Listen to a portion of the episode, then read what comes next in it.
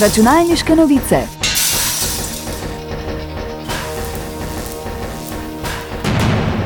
Prisluhnite novostim in zanimivostim z področja računalništva.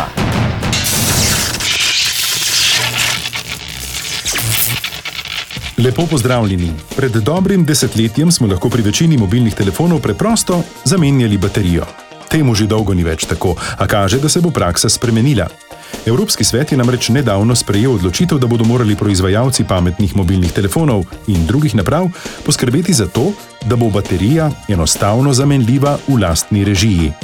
Zamenjava baterij bo v Evropski uniji obvezna od leta 2027 naprej. Še najbolj zanimivo pa je, da bodo morali enostavno zamenjavo baterij zagotoviti tudi proizvajalci električnih vozil, industrijskih baterij, svetil in drugih naprav. To pa bo pripomoglo tako k daljši življenjski dobi naprav z baterijami, kot k izboljšanemu recikliranju baterij strani specializiranih podjetij. Računalniške novice. Tudi pomerjanje oblačil pri spletnem nakupovanju se spreminja. V boljšo izkušnjo potrošnikov se je zdaj podal tudi Google.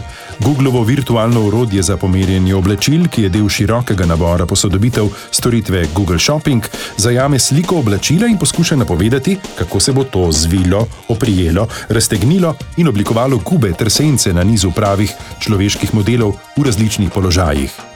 Virtualno preizkušanje poganja nov umetno inteligentni model.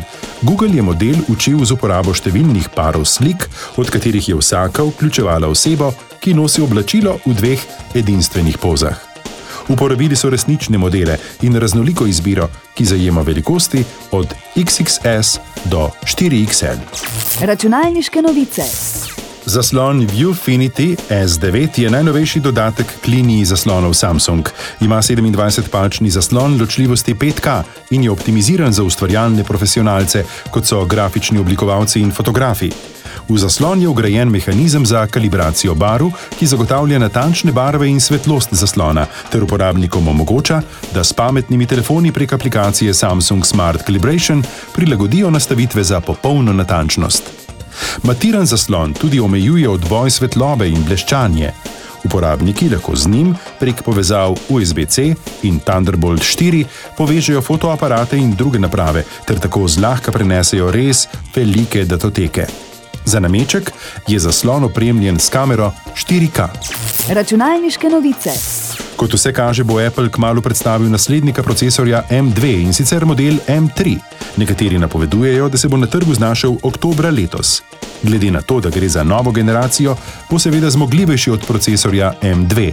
O konkretnih številkah za zdaj težko govorimo, lahko pa ugibamo, da bodo prvi računalniki opremljeni s procesorjem Apple M3 po vsej verjetnosti iMac, 13-palčni MacBook Air in 13-palčni MacBook Pro. Računalniške novice. Toliko za danes, hvala za pozornost in nasvidenje prihodnič. Novosti in zanimivosti je za vas pripravilo uredništvo revije Računalniške novice. Prisluhnete nam lahko ponovno naslednji teden ob istem času.